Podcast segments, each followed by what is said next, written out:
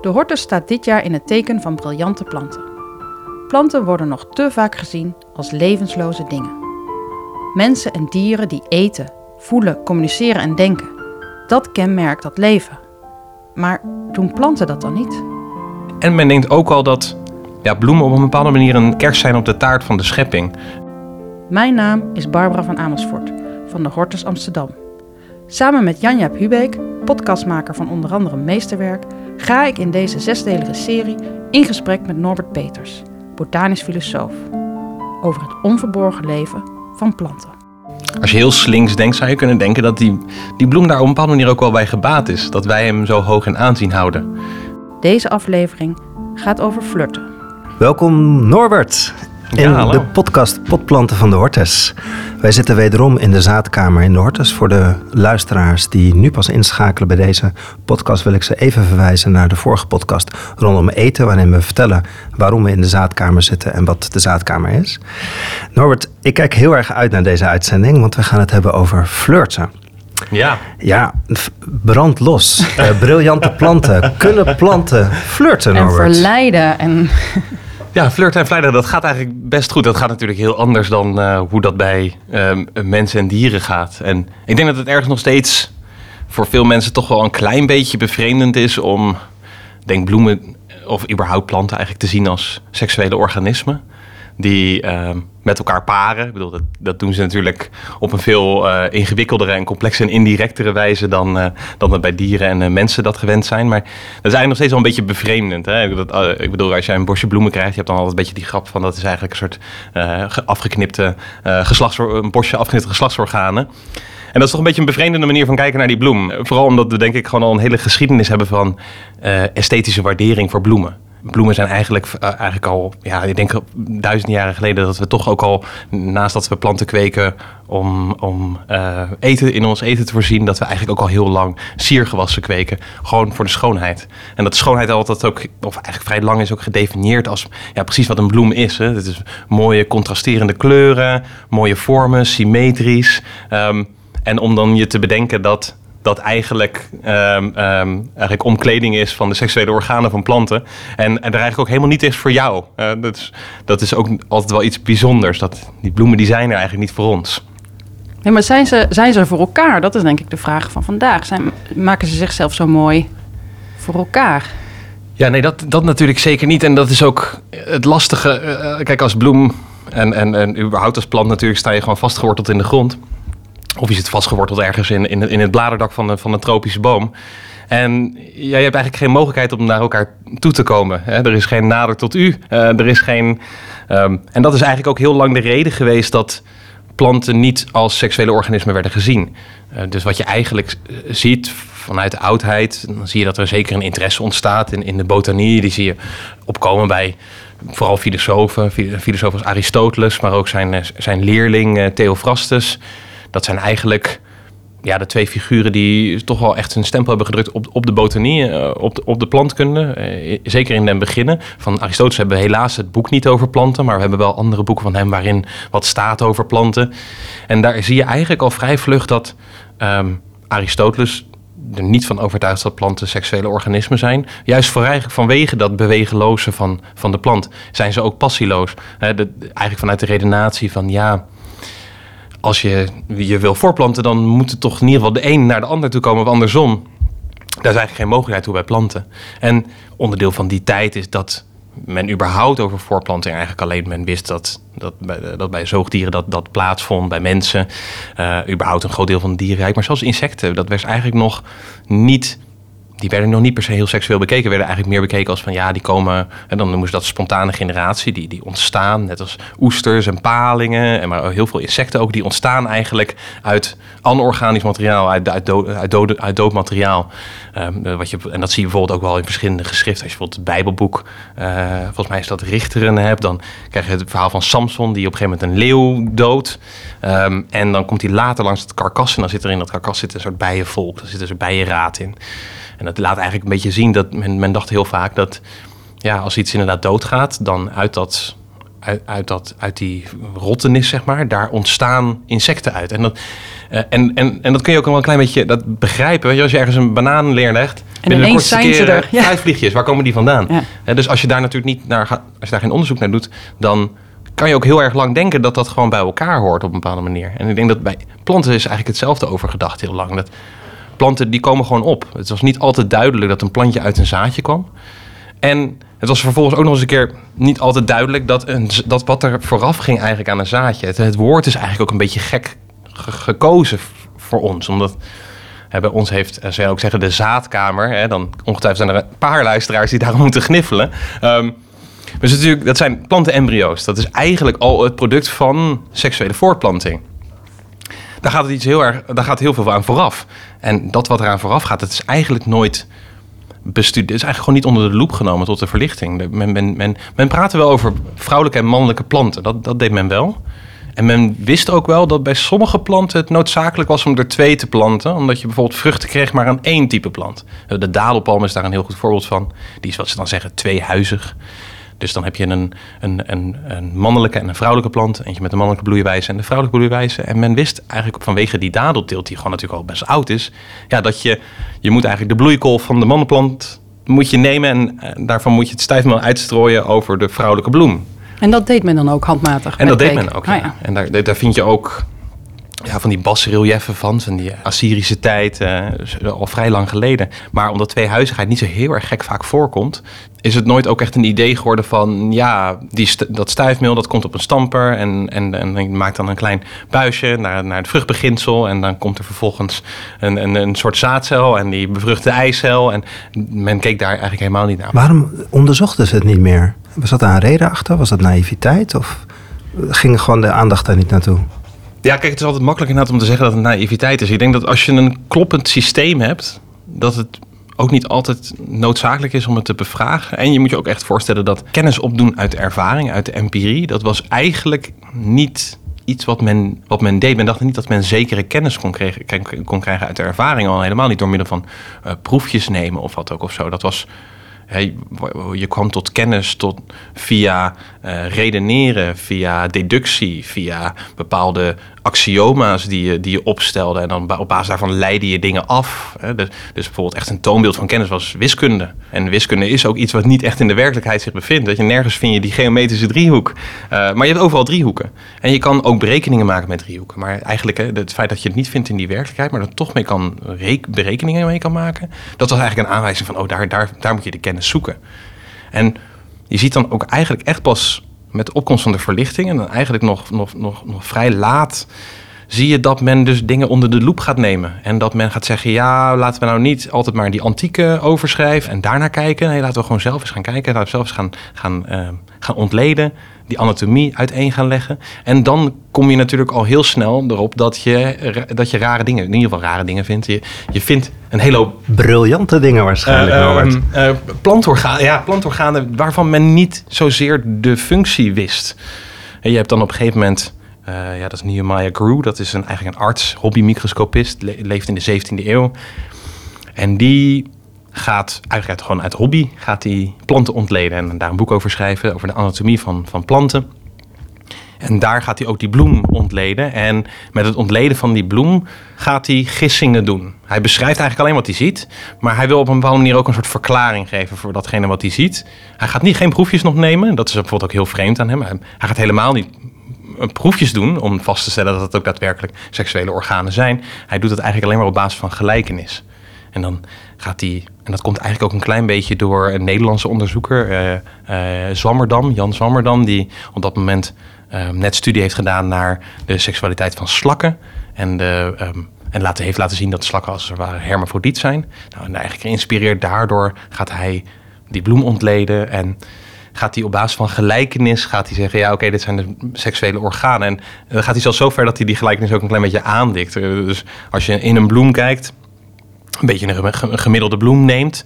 dan vind je daar meestal middenin vind je de, de, de stamper. uh, met de stijl en daarbovenop de stempel. En die stamper die loopt eigenlijk onder naar een soort van bolvormige kamer. Dat is dan het vruchtbeginsel, daar zitten de eicellen in. En daaromheen staan meestal een krans van meeldraden. Een tulp is altijd wel een goed voorbeeld Ja, de tulp is daar een goed voorbeeld van, op de lelie. En dan zie je net van die zes van die meeldraden. En die hebben dan uh, van die helmdraden, die zijn vrij dun. En dan daarbovenop staat een helmhokje. En die helmhokjes die gaan op een gegeven moment open. En daar komen dan uh, het stuif, de stuifmeelkorrels uit. En je ziet dus dat dan Gaat dan de gelijkenis leggen. Dan gaat hij bijvoorbeeld, in plaats van stuifmeel zegt hij dan... Hè, want stuifmeel klinkt eigenlijk al een beetje gek, want het is natuurlijk helemaal geen meel. Uh, dan zegt hij spermatic globulates. Hè, dus de, uh, een soort van, ja, het is een soort sperma, daar vergelijkt hij het ook mee. Hij vergelijkt dan ook een klein beetje uh, die, die hel, dat helmhok daarmee. En dan gaat hij de helmdraad, die eigenlijk vrij dun is bij heel veel planten, zie je zo'n heel dun helmdraadje waar dat helmhokje staat. Die gaat hij dan wat dikker maken. Om de gelijkenis extra aan Blijft te zetten. Blijft een man, hè? Ja, dus hij moet eventjes inderdaad. Het moet wel duidelijk zijn wat hij, wat hij bedoelt. Maar hij gaat, helemaal, hij gaat echt alleen maar descriptief te werk. Wat eigenlijk ook, en dat laat ook zien dat proefjes nemen echt niet iets was wat men. Um, wat men zag als een zinvolle manier om tot kennis te komen. Dat zie je eigenlijk pas ietsje later na hem, zie je dat de eerste proeven gaan opkomen. Dan heb je een, een, een Duitser, een, een Tubingse arts en, en eigenlijk de prefect van de Hortus in Tubingen. En die gaat, uh, Rudolf Camerarius, die gaat een brief schrijven aan een vriend. En dat heet ook iets in de trant van, ja, dat heet De Sexu Plantarum Epistola. Dus de, de brief over uh, de geslachtelijkheid van planten, de seksualiteit van planten. En die gaat proefjes doen, ook daadwerkelijk. Die werkt daar in de botanische tuin, dus die heeft ook een hoop planten voorhanden. En gaat dan met mais en met de moerbei en met de wonderboom... gaat die proefjes doen om te kijken... is het nou inderdaad zo dat als ik die stijfmeelkorrels overbreng op de stempel... dat op die manier er zaden komen? Uh, en niet anders. Uh, en ook als ik dus de, de, de, de stijfmeeldraden weghaal... en alleen het vruchtbeginsel houd, dat er dan dus geen zaden komen... Het duurt nog heel erg lang voordat dat echt onomstotelijk bewezen is. Want hij doet wat, kruis, hij doet wat bestuivingsexperimenten. Maar die worden eigenlijk nog later weer uitgebreid en uitgebreid en uitgebreid. En die vraag blijft eigenlijk ook bestaan. Kan iemand nou proefondervindelijk vastleggen dat bestuiving voorafgaat aan bevruchting? Dat blijft eigenlijk tot aan de 18e eeuw blijft dat een, een, een, ja, gewoon een, een vraag die in de lucht hangt. Maar er is wel degelijk al proefondervindelijk bewijs bij die Camerarius. En Alleen het probleem is een klein beetje dat... Dit is dan een brief die hij heeft geschreven in het Latijn. Die Nehemiah die schrijft wel een boek. Maar je moet je voorstellen dat dat boek is eigenlijk... Ja, als het al bekendheid heeft, is het echt alleen maar onder academici. Dus niemand... Ja, bijna niemand leest dat. En, maar wilden ze er ook niet over praten? Omdat seksualiteit überhaupt een, een onderwerp was waar men niet over sprak in die tijd? Um, of was het gewoon ver van je dat bed is natuurlijk, Dat speelt denk ik zeker mee. Het is zeker zo dat. Kijk, op een bepaalde manier is het gek dat de kennis moet er zijn geweest op een bepaalde manier, op een praktische manier. Dus ik denk dat er al heel lang bloemkwekers waren die aan bestuivingsexperimenten eigenlijk deden. Om, om, tot kruisingen te komen, om tot bepaalde... En men deed dat eigenlijk al. Shakespeare praat daar ook al over. Hij heeft het op een gegeven moment over de bastaard Anjer... bijvoorbeeld in een van zijn uh, toneelstukken Winterstill.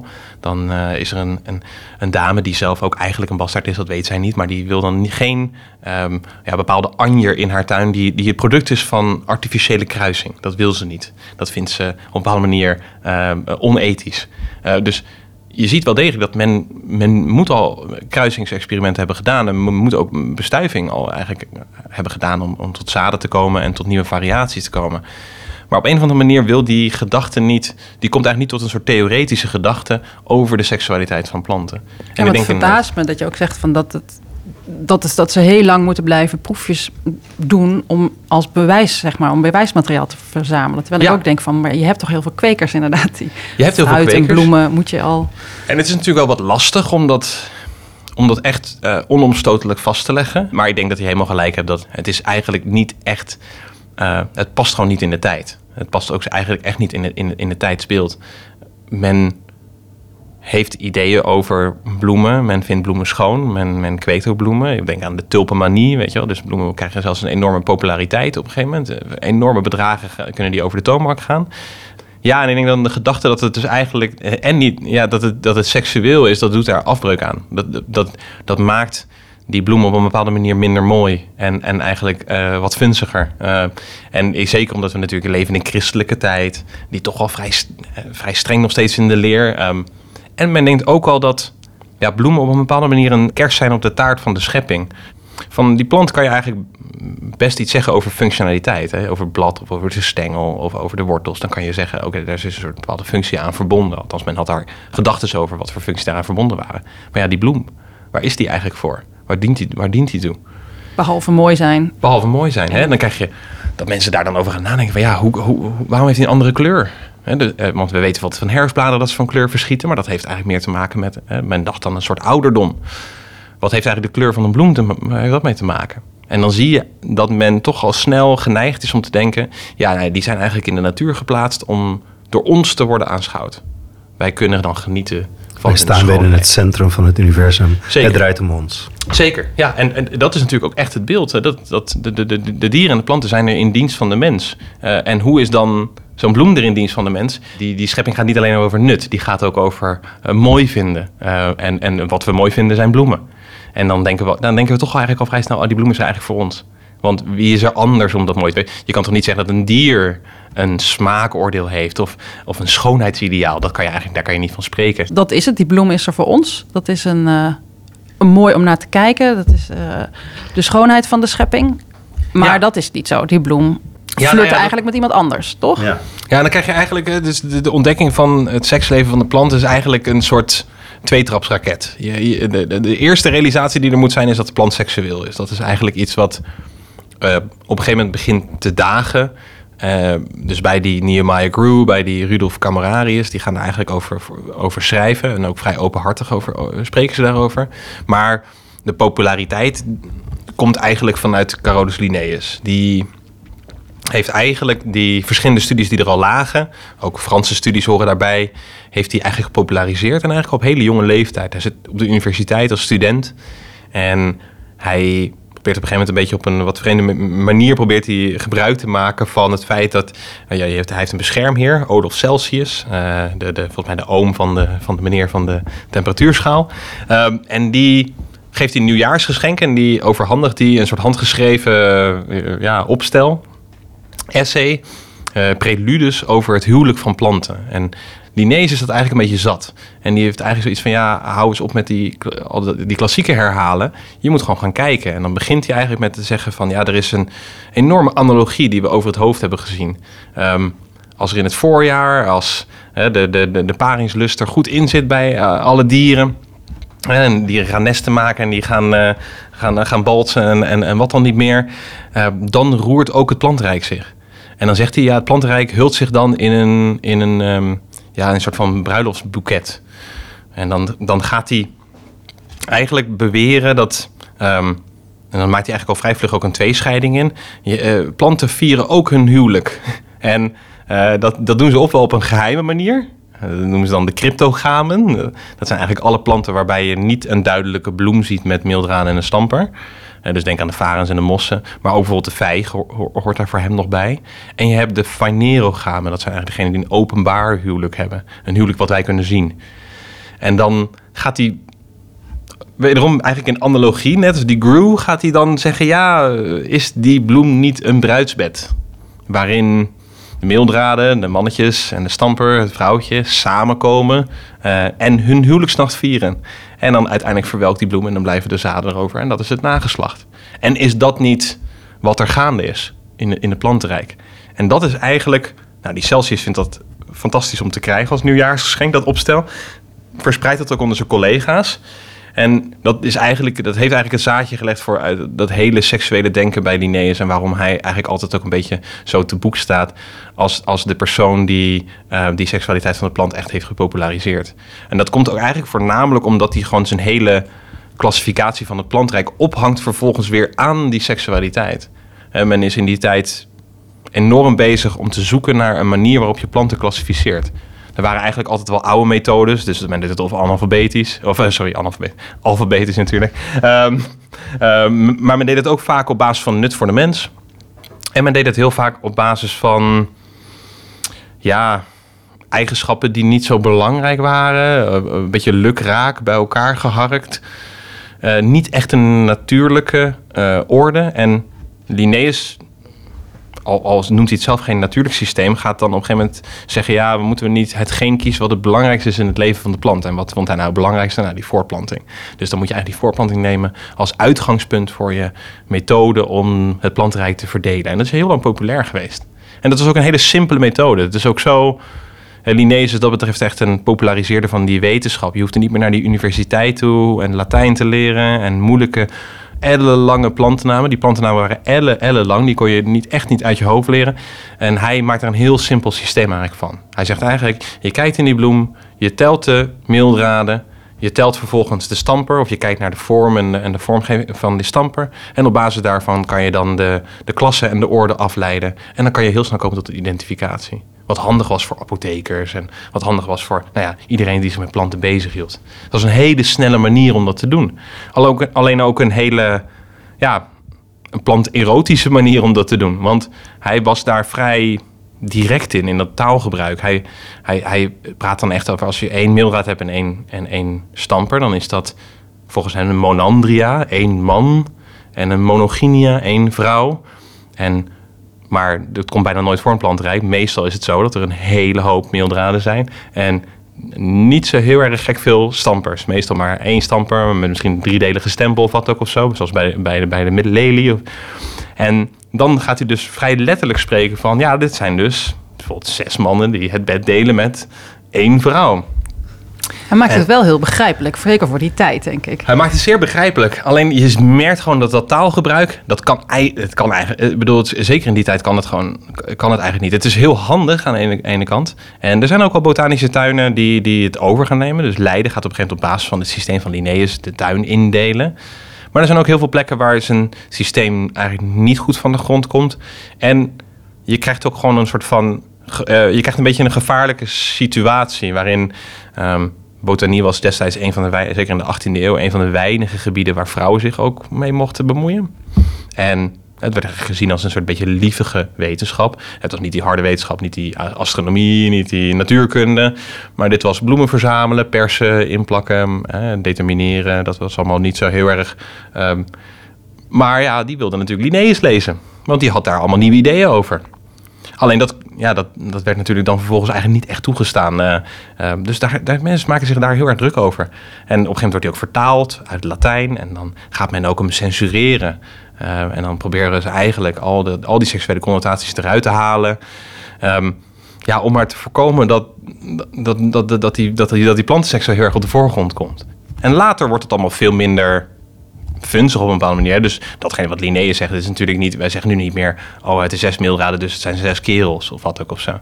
Maar je ziet eigenlijk dat dat is de manier waarop hij het begrijpelijk kan krijgen voor zichzelf. Het is... Hij, hij, hij, hij schiet eigenlijk zo ver door in zijn analogie, maar om, omdat er zich iets nieuws aan het ontvouwen is. En dan pas later zie je dat het weer een beetje wordt ingedampt en dan wordt eigenlijk de plantseksualiteit wordt niet meer als zodanig beschreven. Maar de gedachte vestigt zich wel degelijk eigenlijk. En, en alleen, het is bij, ik zei het al, het is een tweetrapsraket. Die Linnaeus heeft één deel opgelost. Hij heeft eigenlijk alleen maar laten zien, oké, die plant is seksueel. Maar voor hem was het nog steeds een bruidsbed. Dus hij zegt eigenlijk, de bloembladen en de parfums... die zijn eigenlijk alleen maar ter verheerlijking van de samenkomst van die mildraden in die stamper. Dat is de, de versiering, de slingers van, het bruids, de bruidsnacht. Ja, ja. En, en dat is ook het enige wat het is. Uh, dus ook uh, bij hem nectar heeft geen betekenis. Heeft geen, hij vindt dat gewoon een plantsap van, ja, dat heeft verder geen, geen, geen waarde in het leven van de plant. Um, eigenlijk pas, pas na hem, en dan eigenlijk tegen het einde van de, van de 18e eeuw, zie je op een gegeven moment dat dat toch begint te schuiven. Dat het, dat het toch misschien toch niet alleen maar een bruidsbed. En misschien is het ook wel niet de bedoeling dat het stijfmeel van de, stam, van de, van de meeldraden op de stamper valt. Um, ook al denk ik ergens omdat je als je gewoon in een bloem kijkt, dat je ziet dat het een beetje uit elkaar staat. En bij veel bloemen is het ook zo dat de mannelijke geslachtsorganen eerder rijp worden of, min, of later rijp worden dan vrouwelijke geslachtsorganen. Dus je ziet eigenlijk, nee, dat lijkt toch niet helemaal zo te zijn dat het zichzelf moet bestuiven. Er zijn er heel veel zelfbestuivers in het plantenrijk, hoor, daar niet van. Maar je ziet eigenlijk dat die gedachte van kruisbestuiving op een gegeven moment. En dat is eigenlijk in relatie tot ontdekking, of in ieder geval een, een, een, een heel belangrijk meneer, maar die tegenwoordig helemaal niet belangrijk wordt, of in ieder geval is gewoon een vergeten naam. Maar Christian Konrad Sprengel, een Duitser, die, eind 18e eeuw een, een heel ja, beetje bizar boek schrijft. Wat eigenlijk ook helemaal niet echt populair wordt of wat ook of zo. Maar wat wel echt baanbrekend is. Het heeft ook een beetje een gekke naam. Ik zal het even voorlezen. Dat is wel eigenlijk wel leuk. Hij noemt het, de, de titel is, en het een lange titel hoor. Dat is, dat is Entdeckte Geheimnis der Natur im Bau und in der Befruchtung der Blumen. Dus het is eigenlijk het ontdekte geheim van de natuur in de bouw en de bevruchting van bloemen. En wat is dan het geheim? Dat is dat die bloem er niet is voor ons, maar dat die bloem er is om via zijn vormen en via zijn kleuren en zijn geuren insecten te bekoren. Dat is revolutionair, denk ik, toch? De mens wordt opeens opzij gezet. Ja, de mens wordt opzij gezet. En dat doet hij eigenlijk op hele religieuze gronden. Hij, hij heeft eigenlijk zoiets van, ja, het heeft gewoon allemaal betekenis. Het kan niet betekenisloos zijn. Het kan niet alleen maar een bruidsgordijn zijn of een, uh, ter verheerlijking van de bruidstand. Nee, nee, nee. Die, die bloembladen die hebben, die hebben een die zijn echt vormgegeven met een hele duidelijke functie. Uh, om dus inderdaad ja, die insecten te lokken, of in ieder geval bestuivers te lokken. We weten natuurlijk inmiddels dat het niet alleen insecten zijn, maar dat ook vleermuizen en, nou, ga ze maar door, dat die allemaal als bestuiver kunnen optreden. En, wat hij daar, en dat ontdekt hij eigenlijk op een hele flauwige uh, manier. Hij is van huis uit een theoloog, filoloog, iemand die zich met klassieke talen bezighoudt en uh, onderwijs. En hij is op een gegeven moment gewoon overspannen, of in ieder geval een soort burn-out. En dan krijgt hij, dan denkt hij dat hij ziek is. En dan zegt zijn huisarts van, nou, je bent denk ik niet ziek. Je bent denk ik door de stress een beetje hypochonder. Dus een soort psychologische uh, reden waarom die, zich, waarom die zich zo voelt. En dan, dan raadt hij hem aan, ga, vooral lekker wandelen in de natuur. Ga door die natuur heen wandelen. En leer ook wat over die plant. Hij leert hem dan wat soort basisbotanie. En dan, gaan ze gewoon, dan gaat hij gewoon door het veld heen lopen. En we weten ook, zodra je door een veld loopt, dan gonst het daar van je welste. En je ziet ook de hele tijd dat bloemen eh, worden bezocht door insecten. En dat, nou moet ik zeggen, dat wist men op zich ook wel. Men wist natuurlijk wel dat bloemen veel insectenbezoekers kregen. Men kende natuurlijk ook honing. Men kende ook honing inderdaad, al zijn daar wel wat gekke, vreemde speculaties weer over, over hoe dan precies die honing in die bloem komt en wat daar dan een betekenis van is. Maar je ziet, men wist dat natuurlijk wel. Men wist ook wel dat zo'n bij eruit kan vliegen met een, gewoon bedekt onder het stijfmeel. Alleen men heeft nooit gedacht en ik denk dat het gewoon te wijten is aan het feit dat men dacht dat de plant te simpel was. En de insect eigenlijk ook, het insect eigenlijk ook te simpel was om dat te kunnen. Dat, het eigenlijk, dat, dat dat eigenlijk de bedoeling is. Dat de insect moet worden gelokt met kleuren, met geuren. En uiteindelijk met, die, met de prijs die daarachter zit. Hè? Want je moet ook denken dat die kleuren, die geuren, die staan, die zijn eigenlijk een teken voor de aanwezigheid van voedbaar stijfmeel, maar ook vooral nectar. En dan zegt hij ook, de nectar is de quintessens van de plantensappen. Dat is het allerbelangrijkste. En waarom? Ja, omdat het is eigenlijk de prijs die wordt betaald voor, de, voor het courieren uh, en voor eigenlijk het flirten der planten. Dus wat je moet doen is, je moet een ander aantrekken, een tussenpersoon, om die, de, het feit dat je vastgenageld staat aan de grond, om dat probleem te kunnen overbruggen. Uh, en, en daar hebben ze hele complexe methoden, of tenminste, daar is een hele complexe aanpassing eigenlijk uit voortgevloeid. En Sprengel ziet dat ook. dus dan beschrijft bijvoorbeeld de bosooievaarsbek en dan, dat is een paars bloempje met een beetje een soort van aders erop en zo. En hij zegt dan ook, ja, dit paars, dat, dat trekt insecten aan. En de, en de basis van die kroonbladeren, die is wit. Dat is bijna als een soort bullseye. En om dan uiteindelijk bij de stijfmel te komen heb je van die nectarcontainertjes. En die nectarcontainertjes, daar zitten weer bepaalde haartjes overheen... om te voorkomen dat dat niet verdunt door regenwater wat erop komt. En dat zit eigenlijk heel in...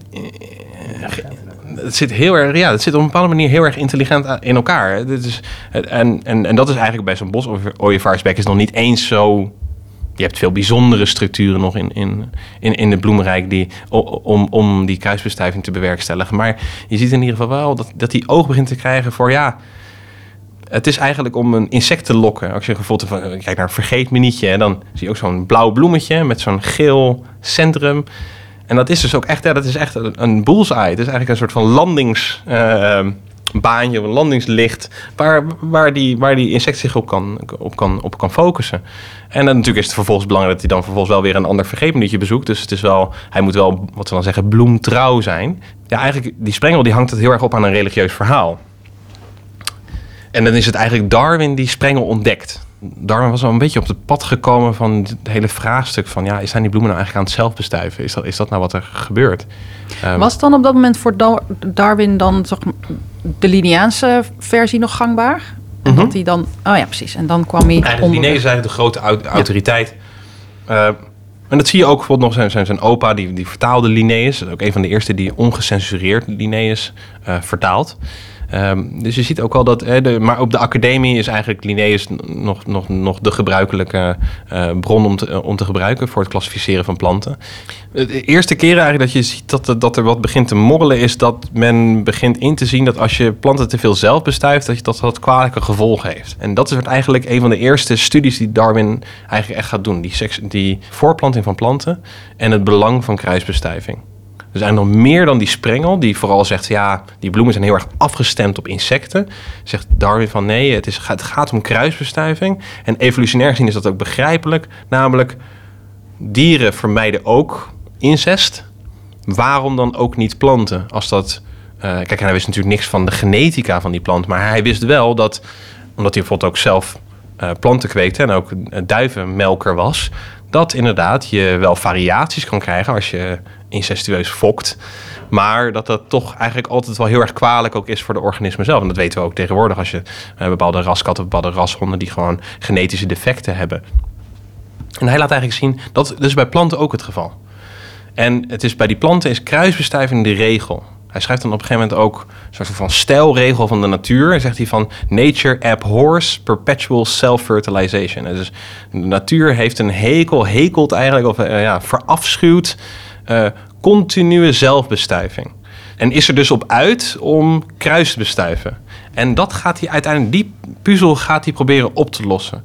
Dus hij laat bijvoorbeeld zien dat heel veel planten zijn, nou wat ik al eerder zei bij die dadelpalm, die zijn twee huizen. Nou, dan, dan moet je wel kruisbestuiving doen, anders kan je gewoon niet tot nakomelingen komen. Maar hij laat bijvoorbeeld ook zien wat hij dan noemt, eh, wat, wat men noemt dichogamie. Dat eigenlijk bloemen in tijd en ruimte de mannelijke en vrouwelijke geslachtsorganen rijpen.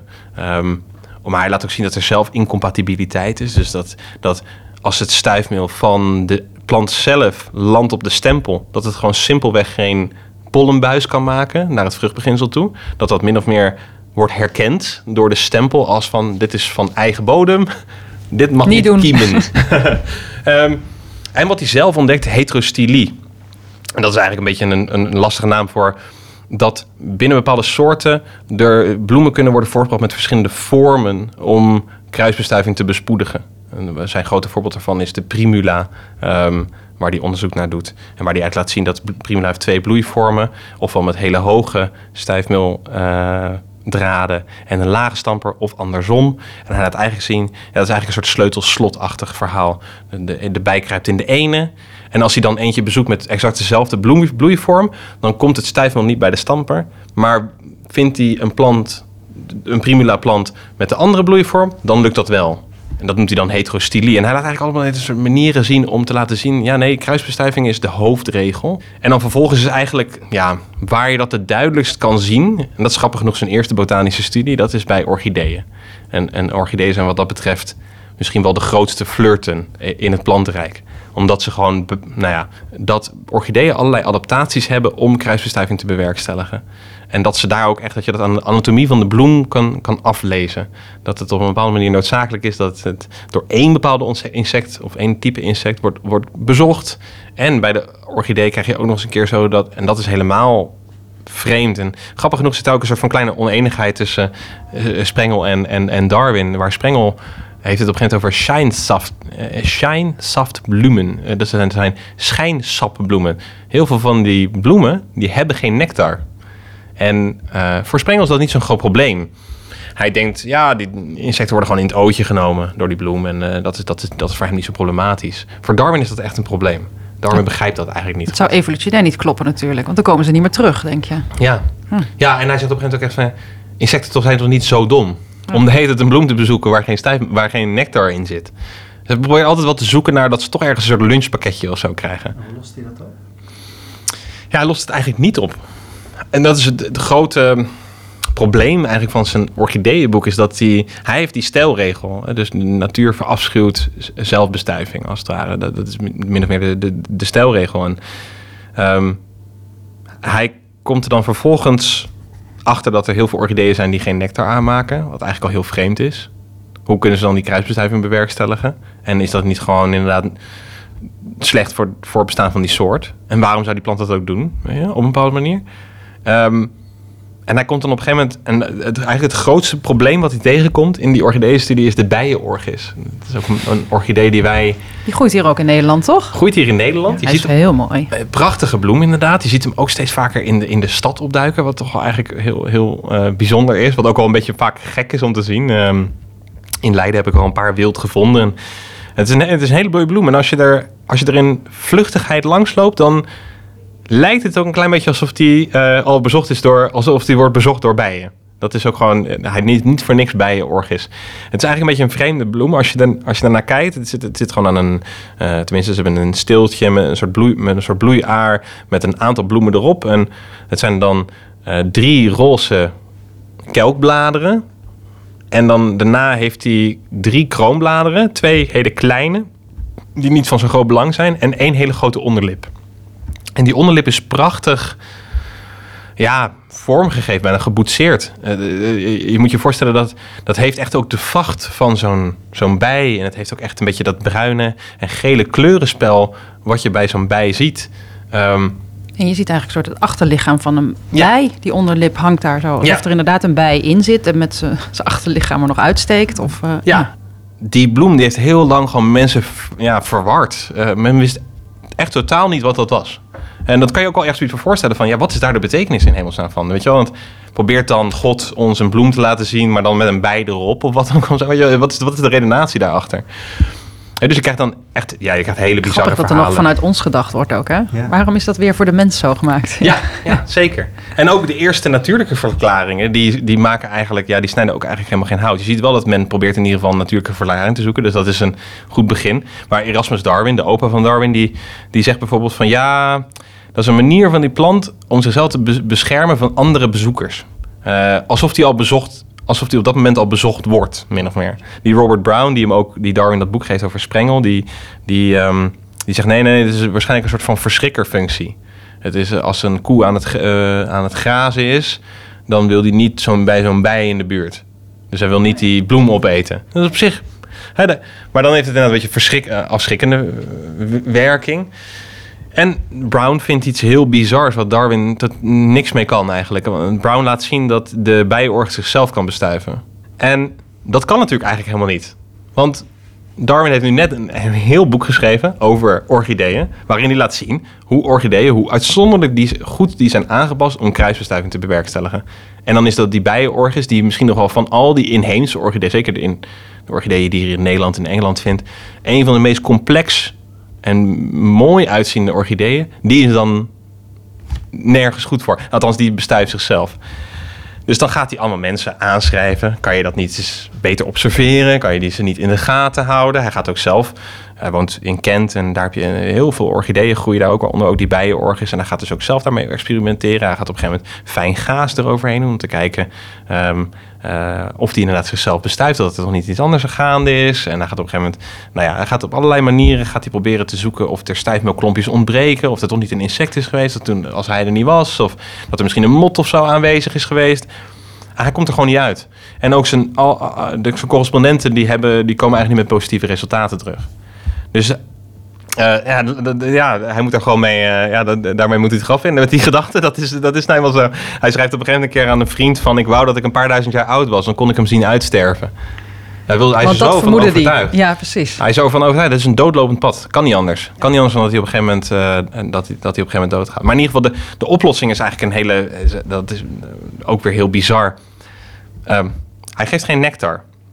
En hij leidt op het achterlijf van een bij. En wat men ontdekt op een gegeven moment. En eigenlijk is die bijenorgis dus een noordelijke um, uh, familielid van een geslacht... wat vooral eigenlijk rond de Mediterrane groeit. De zogenaamde Ovries-orchideeën.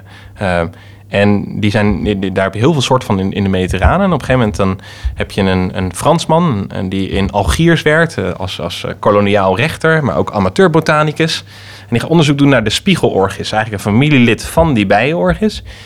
En, en die um, wil eigenlijk weten welke bestuiver daarbij hoort. En wat hij dan merkt, heeft hij op een gegeven moment een bosje heeft hij vast, heeft hij geplukt. Heeft een bosje vast en daar, daar, daar landt een, volgens mij is het een, in ieder geval soort wilde wespensoort of een wilde bijensoort, die landt daarop. En die begint enorm te wiebelen op, dat, op die onderlip. En hij snapt daar in eerste instantie eigenlijk helemaal niks van. Van wat, wat is hier gaande? Um, maar hij ziet wel dat als die bij uh, klaar is, dat hij dan met twee stijfmelkklompjes op het hoofd bevestigd weer wegvliegt. En hij begint eigenlijk langzaam maar zeker in te zien uh, dat, dat er een soort copulatiepogingen zijn. Uh, hè, dus een, een goede entomoloog die, die weet ongetwijfeld hoe dat eruit ziet. En dat ziet hij gebeuren op die bloem. Dus die onderlip wordt vastgepakt en daar wordt eigenlijk mee gecopuleerd door die, door die bij of, of door die wesp. En um, dat is eigenlijk onbegrijpelijk voor hem. En het duurt ook wel een tijd voordat dat eigenlijk goed echt inzinkt in, in, in, de, in de botanie... en waar dat ook echt uh, uh, als zodanig gewaardeerd wordt. Het duurt eigenlijk vooral... De gelijkenis is er wel. Bij heel veel van die ovisorchideeën hebben heel mooie onderlippen inderdaad... die inderdaad heel erg lijken op het achterlijf van uh, die vrouwtjesbijen of die vrouwtjeswespen. En dan moet je begrijpen eigenlijk dat dit zijn vaak, vaak dat zijn dus wild levende soorten... die onder de grond overwinteren... en de mannetjes komen eerder uit dan de vrouwtjes. En die komen eigenlijk meestal een paar weken eerder uit en hebben, zijn vol paringsdrift. En dat is de bloeiperiode van veel, of tenminste de bloeiperiode van veel van die ovaries is daarop afgestemd. En wat je dan ziet gebeuren is dat ze eigenlijk dus gewoon worden bedot. En de grootste bedotting zit eigenlijk helemaal niet in het visuele, maar zit in, het, uh, in de geur. Uh, ze worden echt bij de, letterlijk bij de neus genomen. Ze, ze, ze, ontdekken op een gegeven moment, volgens mij is dat in de jaren 60. Dan gaan ze een chromatograaf gebruiken om eigenlijk de, de, de, de parfums te bekijken, of ja, tenminste te meten, um, die zo'n bloem uh, uitwasemt. En dan merken ze dat de moleculen op zo'n manier zijn gearrangeerd, zeg maar, dat het bijna niet te onderscheiden is van de pheromonen van die vrouwtjesbijen of die vrouwtjeswespen. Dit is natuurlijk bedrog op een op manier. Briljante wijze, toch? Maar ja. het is, uh, ja, het is, het, het, het, het is verleiding bedrog. en flirten, maar dan je krijgt dus geen zoetigheid. Maar dit gaat om de geiligheid, mag ik het zo Mhm. noemen? Dat is wel. En dat noem je dan pseudocopulatie. Ja. wat eigenlijk natuurlijk gewoon betekent, eh, je hebt, die bij heeft er dus helemaal niks aan. En die wordt dus echt, uh, die wordt dus echt bedrogen. En, en inmiddels weten we dat dat eigenlijk ja, heel veel voorkomt in de orchideeënrijk. Dat, dat er heel veel bedrog daar is. Uh, waarbij inderdaad insecten gewoon bij de neus worden genomen. Jammer dat Darwin het niet meer weet. Ja, dat is jeetje. Hm? Dit, Darwin heeft dit antwoord Dat had hij graag geweten, ja. Dat is op een gegeven moment ook dus zegt dat hij een paar duizend jaar oud wil worden. Om, omdat hij gewoon weet dat het een, een dood einde is. En we weten inmiddels ook van die bijenorgis. Dat, dat is dus een vrij noordelijke uh, familielid eigenlijk van, van het geslacht. En de bij, is, de, de bij is er in die noordelijke Europese landen is er gewoon niet. Dus waarschijnlijk door de laatste ijstijd is die naar beneden geduwd. Um, en is niet meer teruggekomen. Maar de bijenorgis is er wel. En dus dat is het rare. Hè? Dus soms kan je gewoon je bestuiver missen. Ja. En als je dan je bestuiver mist, dan heeft dus... Dit is eigenlijk een noodoplossing om toch te blijven overleven. Maar Darwin heeft helemaal gelijk dat het op een bepaalde manier iets... Uh, een, een, een, een doodlopend eind is. Omdat seksualiteit is belangrijk, vooral in die zin... en dat zie je bij, of je nou naar algen kijkt of naar bladluizen. Ja, dus bladluizen kunnen zichzelf die kunnen min of meer ongeslachtelijk zichzelf voorplanten. Hè? Dus als er een bladluis wordt geboren, is die al zwanger van de volgende generatie. Die kan zichzelf klonen eigenlijk. Ja. ja. kloont zichzelf. En dat kunnen planten natuurlijk ook. Hè? Die kunnen, je kunt stekjes van planten nemen, maar planten stekken zichzelf ook va heel vaak. Um, alleen op een gegeven moment moet er ook seksualiteit zijn. Op een gegeven moment moet er ook een vermenging zijn van het genetisch materiaal. Omdat je vatbaar wordt voor ziektekiemen, ziektes enzovoort. Je moet je voor, voorstellen dat er een enorme kluisjesmuur is. Uh, met allemaal cijfersloten erop, waar het genetisch materiaal in zit. Maar er is maar één code. Dus dat lijkt heel erg veilig, maar dat is schijnveiligheid. Want je hoeft één keer die code te kraken en je krijgt al die kluisjes. Dus als, jij eenmaal, als het inderdaad allemaal klonaal is, dan is het ook vatbaar. Gewoon, er hoeft maar één ziektekiem te zijn die, die, die, dat oplost en dan is het klaar. En dus die genetische recombinatie die eigenlijk plaatsvindt door die seksualiteit, die, die, die wapent planten tegen ziektekiemen. En, uh, en dus dat, dat is eigenlijk het belang van, van die kruisbestuiving. En uh, van het verleiden dus. Om en van het verleiden en van het flirten. Ja. Dus dat ze zoveel moeite daarin steken heeft dus eigenlijk alles te maken met het overleven. Uh, alleen doen ze dat dus op zo'n hele aparte, complexe... Uh, eigenlijk een super complexe manier. Ik bedoel, en ik vind ook ergens wel bijvoorbeeld met die orchideeën... dat als je daar nou naar kijkt en dan zeg je... ja, dat is pseudocopulatie, weet je wel. Ha, ha, ha. Wat, dan zie je die bij. Uh, die, die. En misschien vind ik het dus ook helemaal niet erg. Want dat is natuurlijk wel terug bij die vraag over... dat je dus als bloem nectar geeft. Omdat je dus mm -hmm. ook dat insect wil aanleren. Kom nog een keer terug, want hier is lekkers te halen. Mm -hmm. Maar bij die pseudocopulatie krijgt hij uiteindelijk niks. Ja, of misschien dus wel. Dat hij, dat zou Ja, ook moeten door blijven gaan. eh, ja, precies. Ja, dat Ja. kan natuurlijk ook gewoon inderdaad dat het gewoon voor de, dat, het, dat het op zich hem niet, het schaadt hem mogelijk helemaal niet. Nee, het, eh, Maar je hebt inderdaad hele gekke, je hebt ook je hebt bijvoorbeeld hamerorchideeën, die zitten eigenlijk op een soort van eh, wig of een soort scharnier. En, en dat zijn dan ehm, insectensoorten waarvan de vrouwtjes niet kunnen vliegen. Ehm, en die worden dan eigenlijk meegenomen in zo'n paringsvlucht. En dan die orchidee heeft het ge- nagebootst. Dat zijn orchideeën die vooral in Australië voorkomen. Die hebben dus zo'n achterlijfje, ook weer, die produceren ook weer die pheromonen. En dus die mannetjes die proberen daar gewoon een soort van dat dat vrouwtje te pakken en proberen dan keihard weg te vliegen. En door die scharnier knallen ze dan gewoon de hele tijd met hun hoofd tegen die stempelzuil aan. Tot, ze, tot, die, ehm eh, tot die steltmeerzakjes en blijven dat hij het zitten. maar opgeeft en haar weer loslaat. Ja. En dan, ja. Ja. en dan dus de volgende. ja, precies. Ja. Dus, maar dat zijn, Fantastisch. dat, zijn, dat zijn wel mooie dingen. En het, en het levert ons natuurlijk... Hey, wat ik altijd wel leuk vind daaraan is... Kijk, die bloemen zijn er misschien niet voor ons... maar we kunnen wel een beetje meekijken. Zeker nu we meer gehoord hebben in Ja. deze podcast. Ja, Ik ben benieuwd hoe mensen naar een bosje bloemen op tafel kijken op dit moment ik ben thuis. ook heel benieuwd. Dankjewel in deze Graag gedaan. cursus over het flirten van de plant. Dit was een aflevering uit de zesdelige serie Briljante Planten met botanisch filosoof Norbert Peters voor de podcast Potplanten van de Hortus Botanicus Amsterdam. Voor meer afleveringen stem af op potplanten via iTunes, Spotify of de website van de Hortus www.dehortus.nl.